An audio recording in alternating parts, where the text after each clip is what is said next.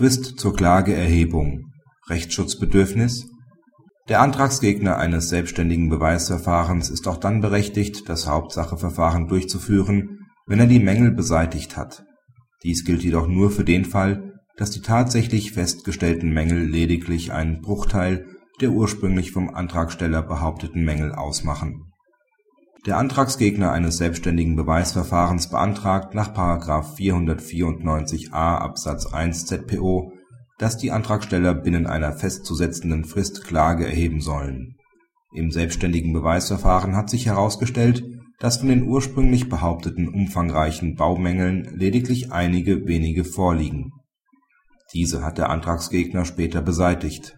Das OLG Frankfurt am Main meint, dass der Antrag gemäß § 494a Absatz 1 ZPO begründet ist. Im Gegensatz zu der Entscheidung des BGH (NJW Rechtsprechungsreport 2003, Seite 454) erkennt das OLG hier ein Rechtsschutzbedürfnis des Antragsgegners.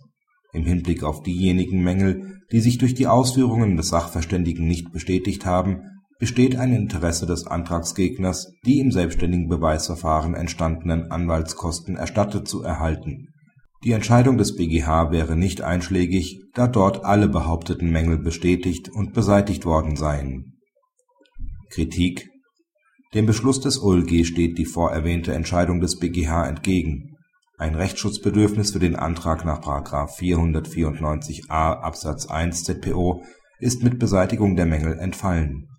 Der Antragsgegner kann gegebenenfalls noch versuchen, materielle Kostenerstattungsansprüche wegen unberechtigter Mangelrüge geltend zu machen